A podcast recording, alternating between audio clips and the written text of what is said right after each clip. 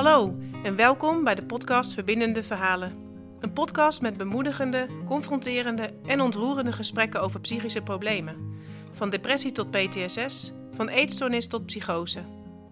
Mijn naam is Nadine Volkers, journalist, maar door een zware depressie ook werkzaam als ervaringsdeskundige bij Elios, specialist in christelijke GGZ. In persoonlijke interviews neem ik je mee in de levens van mensen met psychische klachten. Wat is er gebeurd?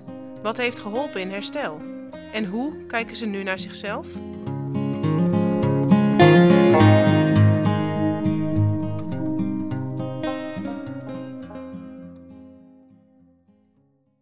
Wat leuk dat je luistert naar een nieuwe podcast. Ik ga in gesprek met Erika. Door een vergroeiing in haar rug raakte ze 100% afgekeurd, verloor haar baan in de gehandicaptenzorg en kon nauwelijks meer bewegen, laat staan voor haar gezin van man en drie kinderen zorgen. Aanvankelijk vond ze dat ze sterk moest blijven voor haar gezin en was ze ervan overtuigd dat het een christelijke manier was om dit lijden te dragen zonder boos te mogen zijn. Maar binnenin Erika kropten alle emoties zich op en uiteindelijk belandde ze in een diepe depressie. Maandenlang wilde ze niets en vond ze haar leven niet meer de moeite waard. Met hulp van zorgzame vriendinnen, haar zussen en therapie vond Erika zichzelf weer terug. Ze leerde haar lichaam kennen en ontdekte waar haar innerlijke overtuigingen vandaan kwamen en hoe ze daarmee om kon gaan. En ze ontdekte: met deze ervaring wil ik anderen helpen. Nu werkt ze als vrijwilliger bij Elios om mensen bij te staan die nu kampen met psychische klachten. Erika, welkom. Fijn dat je er bent. Dank je. En dat je je verhaal wil eh, delen. Ja. Want uh, het is niet niks waar jij doorheen gegaan bent. Nee, hè, dat is zo. Ja.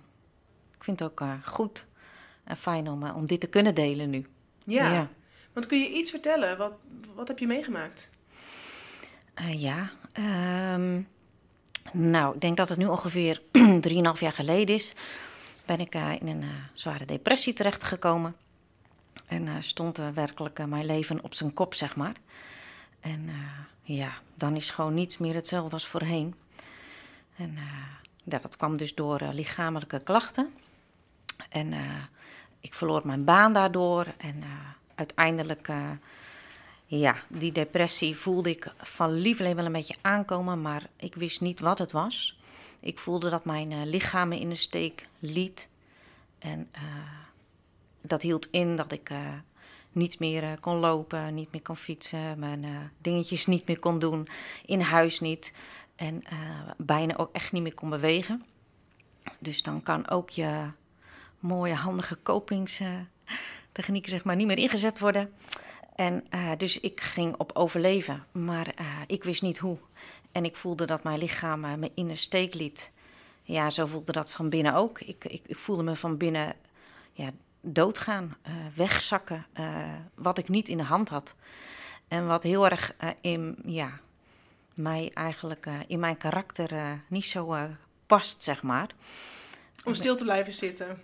Nou, en ook te bedenken dat het niet meer gaat, zeg maar. Ja ik kon altijd voor mezelf nog wel denken, nou weet je, dit heb je wel. En uh, ja, een positieve denker, ook wel gewoon zeggen van, nou op een gegeven moment van, uh, dit is het. En uh, nou, kijk naar wel wat je wel hebt, zeg maar. Hè? En de, gewoon een positieve denker. Maar uiteindelijk merkte ik dat ik dat ook niet meer kon. Ik had het niet meer in huis, zeg maar. En ehm, nou, misschien ken je dat wel, dat je aan het, uh, op een gegeven moment tegen je zegt... al moet het uit mijn tenen komen, kom op, nog even volhouden en dan is deze dag voorbij. Ja, ik merkte dat ik dat niet meer tegen mezelf kon zeggen. En uh, ja, dan is het ineens gewoon op, klaar, over en uit. En uh, ja, dat wegzakken, dat vond ik wel een heel naar idee. Dat had, had ik niet in de hand en geen controle over. Het wegzakken, psychisch bedoel je? Ja, dat bedoel ik, ja. Ja, ja. Ja dat is echt... En jij had het net ook even over copingstrategieën. Kan je daar iets over vertellen, wat er dan eerder gebeurde? Ja, als ik uh, me niet zo lekker in mijn vel voelde of ik was ergens boos of verdrietig over, dan kon ik wel uh, mijn uh, wandelschoenen aantrekken en eens even een flink stuk gaan lopen. En eens even goed mijn pas op de grond zetten, zeg maar. Of ik ging een muur verven of een, een stukje, een meubelstuk of zo bij de kringloop halen. Ging ik lekker opknappen of verven. Maar doordat ik lichamelijk pijn had, ging dat niet. Dus ja, dan, dan valt dat ook weg. En uh, ja, word je echt ineens met jezelf helemaal geconfronteerd. En uh, zijn er geen manieren om uh, ja, dingen te kunnen verwerken of dingen even aan de kant te zetten of Hoe ben je daarmee omgegaan? Ja, eigenlijk heel lastig. Voor mijn idee, wat er nu in mijn hoofd komt, eigenlijk is gelijk van... oh, daar kon ik dus niet mee omgaan, anders dan zat ik er dus niet zo bij. Hè? Anders dan... Uh, nou, ik heb ergens... Er is iets niet goed gegaan, maar uh, ja, dat, dat is niet zo. En uh, zo kijk ik er nu naar natuurlijk. Maar ehm, ja, we hebben hulp gezocht en eh, therapie gezocht. dat is best ook een zoektocht van waar vind je de goede therapie, medicatie gekregen. En ook voor mijn lichamelijke klachten ben ik uh, bij een uh, scoliose care kliniek terechtgekomen in Zwolle. Ja, want de scoliose die je hebt, dat is een vergroeiing in je rug, hè? Ja, dat klopt. Ja, dat is een scoliose waarin uh, toen ik 18 jaar was, dan ben ik er al ooit aan geopereerd. toen kwam mijn hart en longen in de knel. En is er een stellage in mijn rug gezet om die weer zo ver recht mogelijk te trekken. En... Um, maar die stellage, daar was ik allergisch voor, dus die moest er weer uitgehaald worden. Is er een heup, uh, bot uit mijn heup gehaald om een uh, bottenpaal van mijn ruggenwervels te maken. En uh, ja, na die tijd ehm, dacht ik dat het gewoon... En die operaties zijn goed gegaan. En ehm, dacht ik, nou, ik, ik uh, kan gewoon weer leven en het leven gaat zo zijn gangetje. En Natuurlijk had ik pijn. Natuurlijk voelde ik elke dag mijn rug. Maar, uh, ja, dat waren op een gegeven moment ja, zulke symptomen die ik kende, waarvan ik dacht, dat is gewoon bij mij, dat hoort bij mij, iedereen heeft zo zijn ding, zeg maar. En uh, ja, daar heb ik mee te leven. En, uh, maar, Was je vrij hard voor jezelf? Ja, ja, dat moet ik echt toegeven, keihard. Ja. En uh, in de kliniek, eh, toen ik daar binnenkwam, uh, wist ik gewoon niet te bewegen. Alles deed zeer. Mijn, uh, mijn wervelklom is dus toch weer gaan vergroeien. Waardoor ook weer uh, een deel van mijn longen in de knel komen en mijn hart. Maar ook mijn onderste rib op mijn bek kan rust. Waardoor je continu pijn hebt. En ehm, daar ontdekte ik gewoon weer hoe niet serieus ik mijn lichaam heb genomen. Jongen. Ja, en als ik dit zeg, dan merk ik ook gelijk. Dus heb ik mezelf niet serieus genomen. Ja, daar daar werd ik toen ook echt intens verdrietig van. Ik dacht van, oh, wat. Uh, ja, dit, dit is het. Dit, dit is dus wat, wat, uh, wat ik gedaan heb, zeg maar. Hè? Heel onbewust natuurlijk. Maar goed, uh, daar heb ik wel weer uh, een stukje bij een beetje leren bewegen. En een training moeten leren, die ik nu elke dag een uur doe om uh, zo een natuurlijk corset te creëren voor mijn rug, om uh, de komende operatie zo lang mogelijk uit te stellen. Ja, om je rug eigenlijk zelf te verstevigen. Ja, ja. Dat is de, de lichamelijke kant. Je zei net even heel snel uh, de psychische kant. Ja, we hebben hulp gezocht. We hebben... Maar hoe wist je op een gegeven moment van, hé, hey, we komen hier niet zelf uit? Je man en jij, jullie als gezin. Dit, is niet, dit gaat niet goed met Erika. Ja, goeie. Ja, dat, dat uitte zich echt in, in, in, in, in, heel, in paniek, in angst, in de dag niet kunnen beginnen, mijn bed niet meer uit willen, niet weten meer uh, hoe te leven. Uh, dat wegzakken, dat, dat voelde ik ook als dat mijn ik wegging. Hè? Dus normaal word je wakker en denk je van nou, de dag, uh, ik stap mijn bed uit en ik ga dit en dit en dit doen. En nu was de dag, help, laat mij maar liggen. Er ligt iets over mij heen wat ik echt niet weet. Wat als een zware deken voelde, een zwart gat voelde. Dus ja, dan, dan uh, dat waren wel momenten dat we tegen elkaar, en zeker mijn man ook zei van joh, dit gaat niet langer zo. En de mensen om me heen, we moeten gewoon hulp gaan zoeken. Ten eerste, ik liep al bij de dokter voor mijn lichamelijke klachten. Maar voor lieverlee kwamen die psychische klachten daarbij. Dus ja, dan heb je al een lijntje. En uh, uiteindelijk uh, heeft mijn man uh, van alles nog wat afgebeld om hulp te zoeken. Ja. Hoe was dat voor je man en voor je gezin? Voor je kinderen? Ja, ehm, ik zag dat ook gebeuren. Het was heel heftig. Heel intens voor ze. Heel um, ja, verwarrend ook. Een moeder die de speel van het gezin is, zeg maar, was.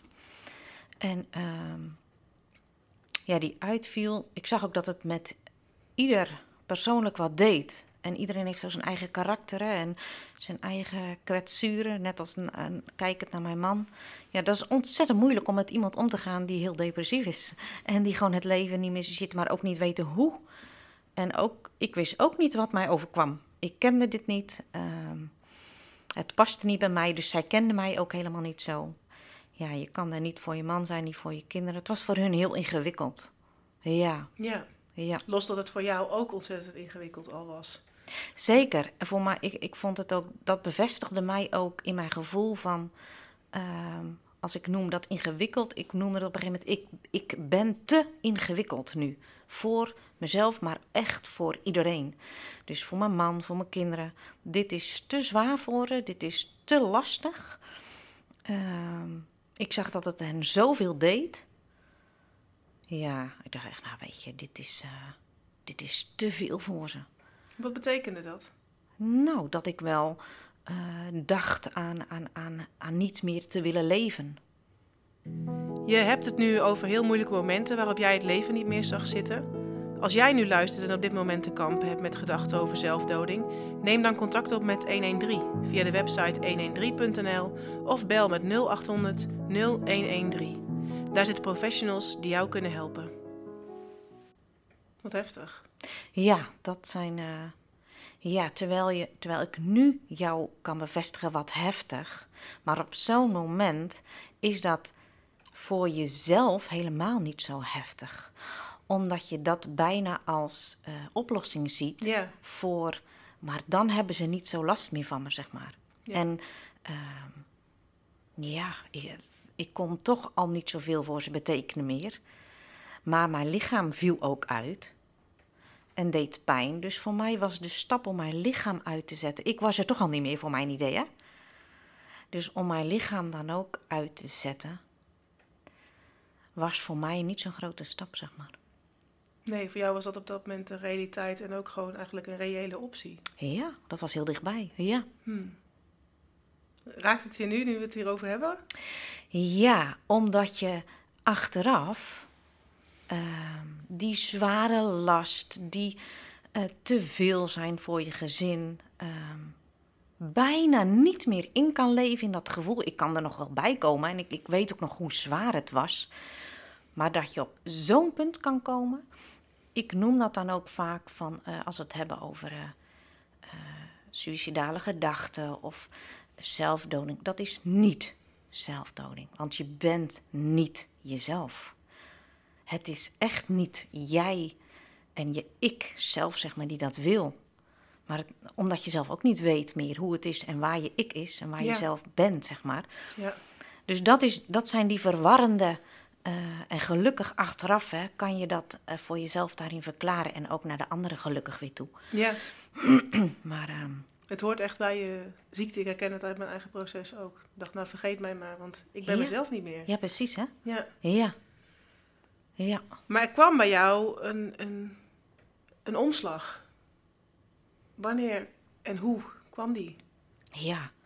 Ja, ik zeg altijd wel, die omslag, dat is echt wel door de tijd heen gegaan. Echt het de tijd geven. En eh, tuurlijk heb je dan het idee dat het te lang duurt, dat het, eh, want liever morgen over dan. Maar door de tijd heen heb ik wel gezien, hé, hey, ineens is er wat veranderd. Of eh voorhe- en dan gingen mijn gedachten, oh, voorheen zou ik nu in paniek geraakt zijn. Of voorheen zou ik nu helemaal heel van slag zijn. Of, nou, opeens merk ik ook een keer dat ik eh, naast mijn bed stond. Dat was ook een heel raar moment. Want normaal werd ik wakker en dacht nee, niet weer een nieuwe dag. Ehm, hoe dan? Wat dan?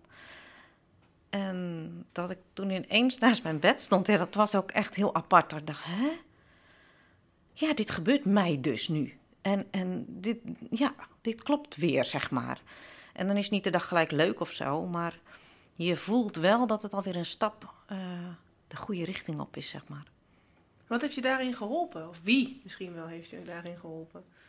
Ja, goede vraag. Daar word ik ook altijd een klein beetje klein van, zeg maar. En tegelijkertijd heel groot. Want eh, in zo'n tijd voel je je heel klein, heel nietig, wanhopig en alle woorden die daarbij horen. Een klein nietig mensje. En wie mij daarbij geholpen hebben, zeg ik altijd, ja, dat, dat is ehm, God ten eerste. Ikzelf, want je moet echt wel heel hard werken om hieruit te komen. En dan bedoel ik niet eens in het knokken, maar soms in loslaten of maar aan- overgeven. Want dat is ook hard werken. zijn harde beslissingen in je hoofd nemen, zeg maar. Ja, vriendinnen, eh, mensen die eh, hebben laten merken aan mij dat ze mijn ik nog zagen. Dat, gewoon nog Erika zagen Ja. zoals je was. Ja, ja, zoals ik was inderdaad. En dat, dat zag ik ook in de therapie. Op een gegeven moment dan heb ik eh, drie maanden heb ik een soort ja, depersonalisatie beleefd. Dat, dat- ik was echt uit mijn lichaam. Als ik in de spiegel keek, dan keek ik naar mezelf met tikkend op mijn wang van... joh, ben ik dit nu, zeg maar? Mijn ik voelde niet in mijn lichaam. En als ik me aankleedde, voelde ik wel mijn armen en benen, maar ja, het was niet van mij. Het was Hmm. niet mijn lichaam. En ehm, als dan iemand toch tegen je zegt, maar ik zie nog wel een ik in jou. Ik geloof dat helemaal niet. Ik dacht echt, nou, waar, waar haal je het vandaan? En toch zijn dat de dingen die, die je moet en wil horen. Ik weet nog dat iemand op een gegeven moment een keer eh, mij belde en zei: Ha, Erika. dacht ik: Erika, dat ben ik. Oh ja, dat ben ik. Dat dus die ik weer een klein beetje terugkom in je lijf, in je hart, in je, in je zijn weer, zeg Mm. maar. Ja, en dat zijn punten dat je merkt van: Oh, volgens mij is dit verbetering. Volgens mij is dit een beetje weer naar. Ja, hoe ik De goede. Je Ja, begint de- er ook van te stralen eigenlijk. ja, ja. want ik weet echt zo goed hoe het voelde dat ik er niet meer was, zeg maar. Dat Ja. ik uit mijn lichaam was. En als je dan weer terugkomt bij je ik, en totaal niet wetend hoe dan, maar wel, ja, ik dacht echt werkelijk dat ik, dat ik er ook niet meer was. Dat gevoel heb je dan. Nou, blijkt dus niet zo te Hmm. zijn. Die is er echt nog wel, die blijft. Ja. Je noemde ze net al even, jouw vriendinnen, en je zussen ook, eh, vertelde je me eerder. Die hebben daar ook een heel belangrijke rol, heel praktisch in gespeeld, hè? Kun je daar iets over vertellen? Ja, klopt. Ja, ja dat, dat was echt heel goed bedacht. Eh, op een gegeven moment dan weet je gewoon niet hoe je de dag door moet komen. En ehm, nou, hoe en wat. Toen is er afgesproken dat iedere dag een eh, vriendin eh, of een zus mij belde. Een vaste dagen, een vast iemand. En eh, was verschrikkelijk zenuwachtig, omdat ik weer wist dat de telefoon ging. Ik me weer op een of andere manier moest connecten met een ander, maar ik wist niet hoe. Maar goed, ik nam die telefoon op en eh, maar zij spraken een beetje de dag door. Nou, je bent wakker. Heb je al gegeten? Nee. Heb je al gedronken? Nee. Wat ga je van doen vandaag? Geen idee. maar dat ze dingen aandroegen van, oh ja, dat kan ik wel doen. Oké, dan ga ik aankleden. Ja, even onder de douche. Oh ja, een banaan eten. Oh, dat kan ook. Ehm, gewoon hele kleine praktische dingen. Ehm, ja, dat, dat was heel helpend. Omdat zij, omdat ik dat zelf niet meer kon bedenken. En zij dat voor mij bedachten. Dus dan, eh, zei ik, dan hing ik op en zei ik bedankt. En dan hadden we ook de afspraak als het dan niet ging, of als ik dan die dag in paniek of angstig zou zijn, kon ik hun bellen.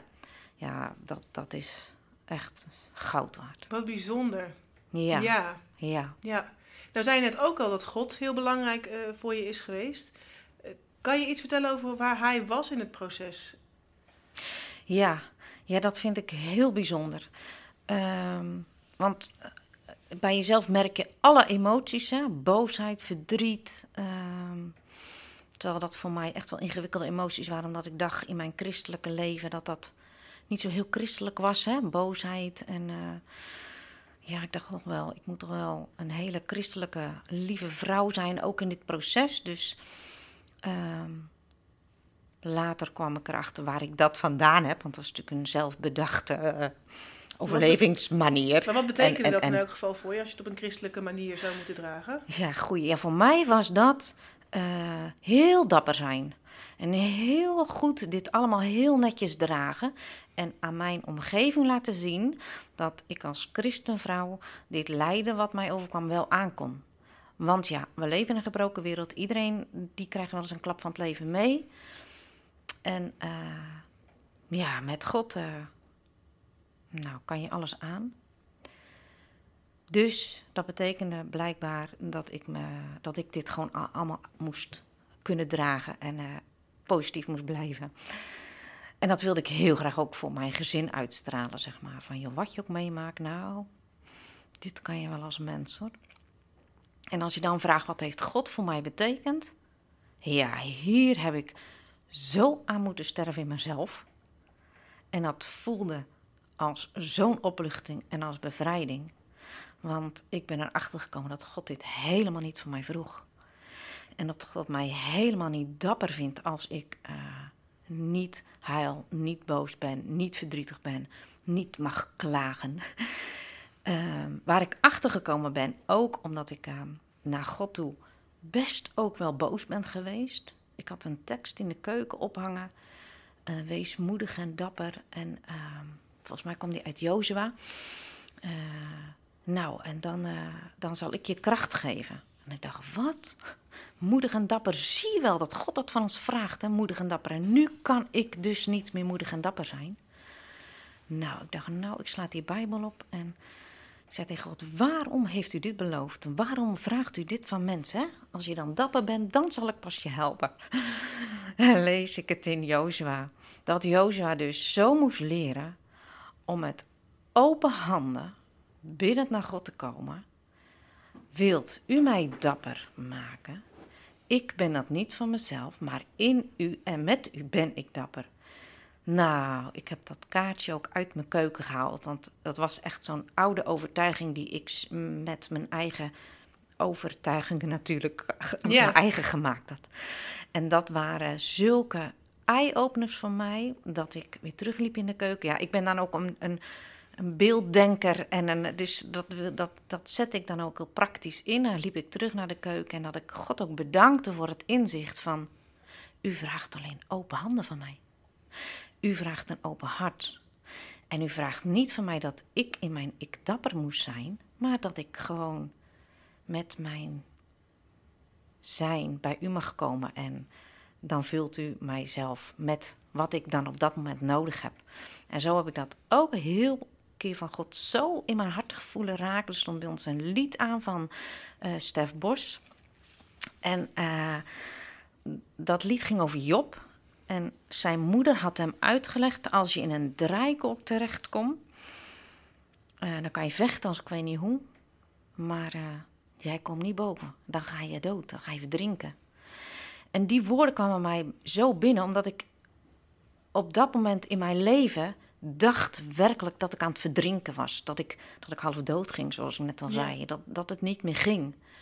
En die woorden van dat lied en die, die uitleg kwamen mij zo binnen als van... nu moet ik luisteren. Nu moet ik heel even heel goed luisteren wat die moeder dan voor advies gaf. Dus jij was in die draaikolk aan het vechten om eruit te ja, komen? Ja, dat hoorde ik dus. Ja. Want, want zijn moeder had uitgelegd, als je in die draaikolk vecht, dan red jij het niet. Maar als jij je overgeeft en loslaat in die draaikolk en niet meer vecht... dan draai je nog wel even verder naar beneden. Maar onder in die draaikolk is het heel dun en fragiel. Dan word je losgelaten en kom je gewoon weer even ergens boven drijven. En die woorden hoorde ik niet meer als zijn moeder en niet meer als Stef Bos, maar die heb ik echt gehoord alsof God dat tegen mij zei. En dat vind ik dan ook wel het wonderlijke, dat hij op zo'n moment, wanneer je dus in een diepe penarie zit, je niet hoeft af te vragen of God je op welke manier je dan ook maar iets moet zoeken uit jezelf, de Bijbel op moet slaan of moet bidden. Nee, hij weet ingangen dus te vinden wanneer jij er klaar voor bent. Toen ben ik naar boven gegaan, huilend, naar mijn slaapkamer. En toen ben ik op mijn knie gevallen. En toen heb ik echt tegen God gezegd: Oké, verdrinken doe ik al. Maar als ik dus me los moet laten. Dat vraagt dat ik nu heel dit proces los moet laten en niet moet vechten, wat ik van nature ben. Dan moet ik me nu overgeven. Dan geef ik me nu over. En dan, dan helemaal, hier ben ik. En dan denk ik, dan kom ik vast wel ergens bovendrijven. En dat voelde heel eenzaam en alleen. Alleen toen kwam er dus een zin in mijn hoofd van het lied van Ik zal er zijn van Sela. Waarin zij zingen: uh, U bent onnoembaar aanwezig. En dat klopte precies op dat moment. Want ik moest me overgeven op zo'n moment. En ik wist niet wie ik was, waar ik heen ging, omdat ik echt geen idee had meer wie ik was en waar ik was. Maar als ik dan boven zou komen drijven, Dat betekent dat ik ergens, een, uh, Erika ergens op nieuwe grond boven kon drijven. Maar als u zegt dat u onnoembaar aanwezig bent, dan bent u dus ook daar waar ik ben. Dan hoef ik daar in ieder geval niet over na te denken, maar bent u daar. Dus dat vroeg van mij niet zoveel. Dan hoefde ik God niet te zoeken, maar hij was daar gewoon. Hmm. En dat voelde zo vertrouwd. Daar voelde ik me niet schuldig over. Um, ja, dat kon ik zo overgeven, letterlijk echt helemaal. En dat heeft het dus uiteindelijk ook wel bewezen van... je komt dus blijkbaar weer ergens bovendrijven. Maar wel op nieuwe grond. En heel onbekend. En heel eng. En geen idee hoe dan. Maar je bent uit de vechtmodus. Hmm. En je komt bovendrijven. Dus uh, je kan weer ademhalen. En het leven van lieverlee weer een beetje gaan proberen te leven, Ja. zeg maar. Want wat is jouw nieuwe grond? Ja, dat vind ik nog wel een beetje een zoektocht. Dat, want het is echt totaal nieuw. Ik weet nog dat ik in mijn diepe zwarte gevoel op een dieptepunt heb geroepen naar God. Ik wil opnieuw geboren worden. Want, nou, geen idee, maar dat riep ik. En ehm, ik weet nog wel dat ik van liefde een beetje ging leven. En dat het zo ook voelde. Zo naakt, zo nieuw, zo helemaal geen idee. Dat ik met alles wat ik en met wie ik me moest verbinden, dat ik dacht: oké, hoe dan? Hoe moet ik sociaal doen? Hoe moet ik uh, naar de winkel en dan hallo zeggen? Wie zien ze mij dan? Wie, wie, wie? Nou, ik, voor mijn idee was ik helemaal nieuw, zeg maar. Maar ook met heel veel in mijn hoofd, ook door de therapie natuurlijk, dat ik achter dingen kwam. Dan heb ik dat altijd zo gedaan. Heb ik dat, dat wil ik niet meer. Maar wat ik dan wel precies wilde en hoe het dan precies allemaal moest, ja, weet je, dat moet je echt gaan ontdekken. Hmm, want wat, wat wil je niet meer?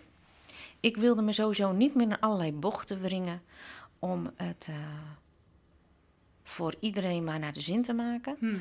Om, uh, maar ook mijn oude overtuigingen dat ik een. Uh, uh, toch erachter gekomen ben dat ik dingen deed, ook hè, in de kerk, uh, christelijke organisaties, maar ook liefde geven voor mensen. Maar eigenlijk met een intentie en een motivatie van: ik wil geliefd zijn, ik wil de moeite waard zijn, ik wil gewaardeerd zijn. Ook een stukje bewijsdrang mm. zat er heel erg in mij. Van ja, ik, ik wil laten zien dat ik het ook kan en dat ik, dat ik heus niet. Uh, uh, alleen maar eigenwijs of uh, op een hellend vlak zit. Of welke, welke gedachte ik ook maar had. Dus ik was voorheen uh, met andere motivaties bezig. Yeah. En nu voel ik, die zijn voor mij helemaal niet meer aan de orde.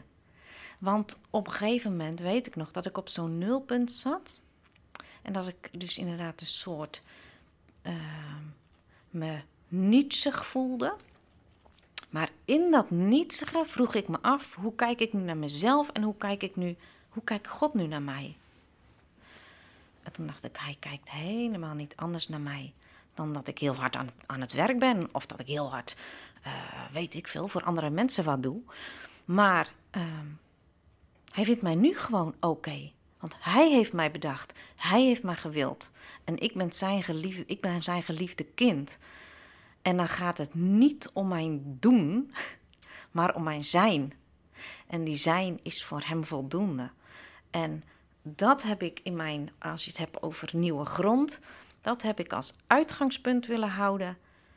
Oké, niet om wat ik doe, maar om, om mijn zijn. En hij heeft mij gemaakt met mijn gave talenten, met mijn karaktereigenschappen die ik uh, ondertussen al heel erg had veroordeeld, maar uh, ja, die ik nu heel erg omarm, want ze zijn echt wel heel leuk en dat, ik kan er echt wel wat mee. Het is niet alleen maar ingewikkeld en, en moeilijk en ja, en die mag ik inzetten, maar vanuit een nulpunt met alles wat je doet, dat, dat mag je uit genade doen, zijn kracht met jouw talenten samen. Ja. En dan uh, gaat het niet meer om, om, om je eer of je, je, je, je uh, eigenlijk nog een oud gevoel van ben ik nog wel goed genoeg. Ja, die basis hebbend van het is echt oké. Okay, en daar ben je niet meer afhankelijk van uh, mensen om je heen die dat maar continu moeten gaan bevestigen naar je. ja, dan sta je gewoon ook anders in verhouding met die mensen, maar ook naar God toe en naar Ja. jezelf. Ja, dat, dat is zo'n andere manier van leven.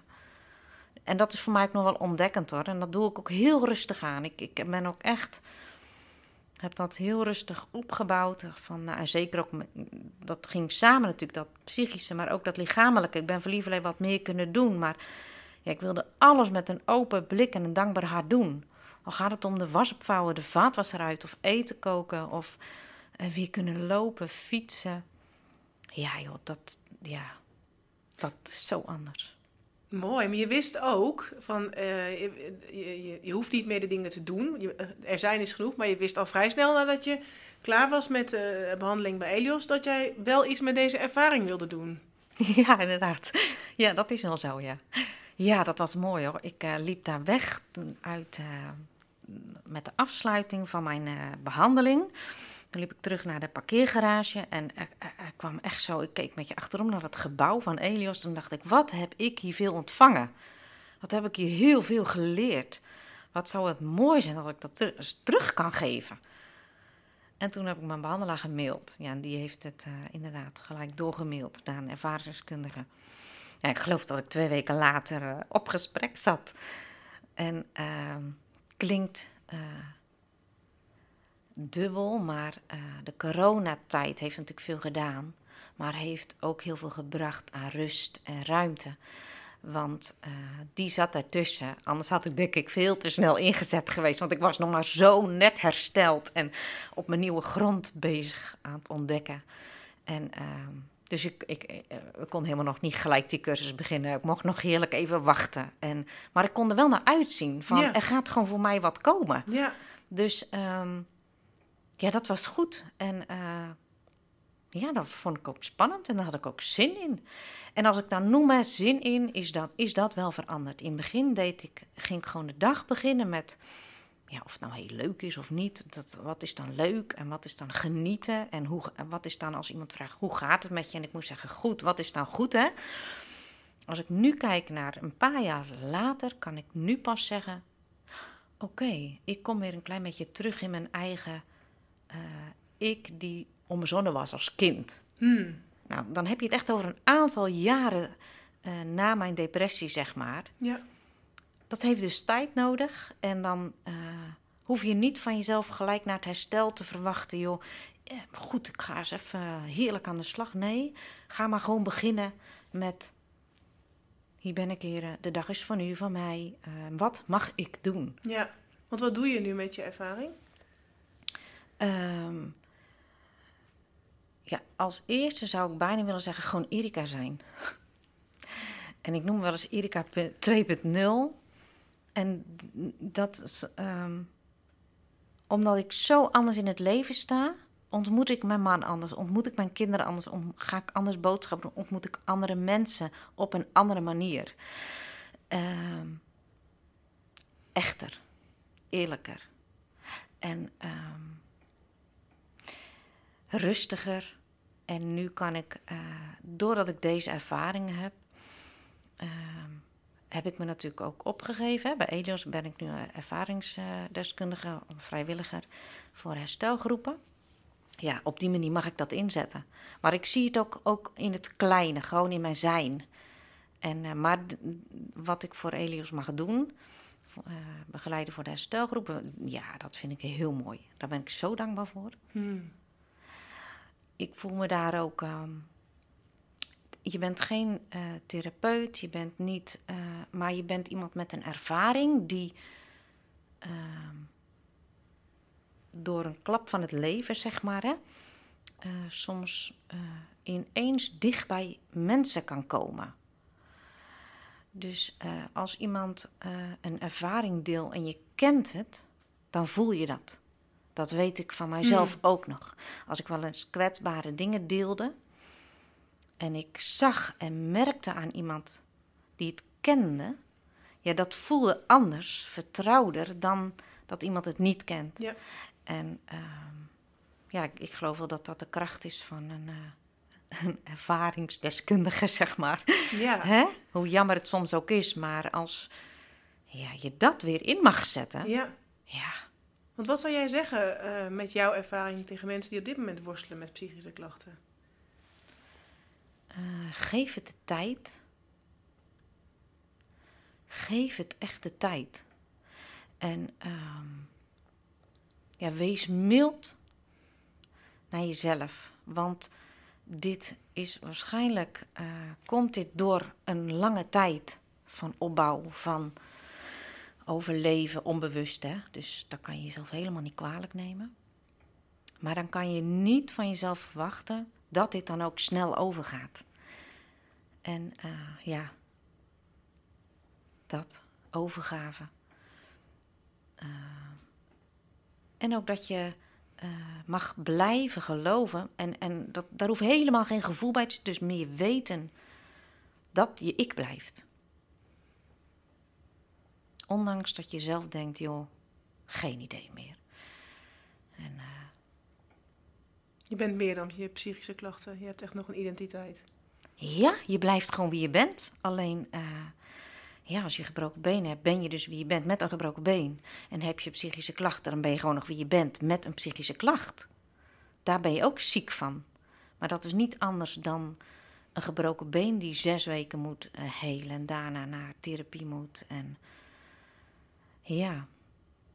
Mooi. Heel erg bedankt dat je je verhaal wilde delen, Erika. Echt graag gedaan. Bedankt voor het luisteren. De podcast Verbindende Verhalen wordt gemaakt door Elios. Elios is specialist in christelijke GGZ. Vanuit ons christelijk geloof werken we met jou en de mensen om je heen aan herstel van het gewone leven. Wil je meer verhalen over herstel? Kijk op ons blog geloveninherstel.nl.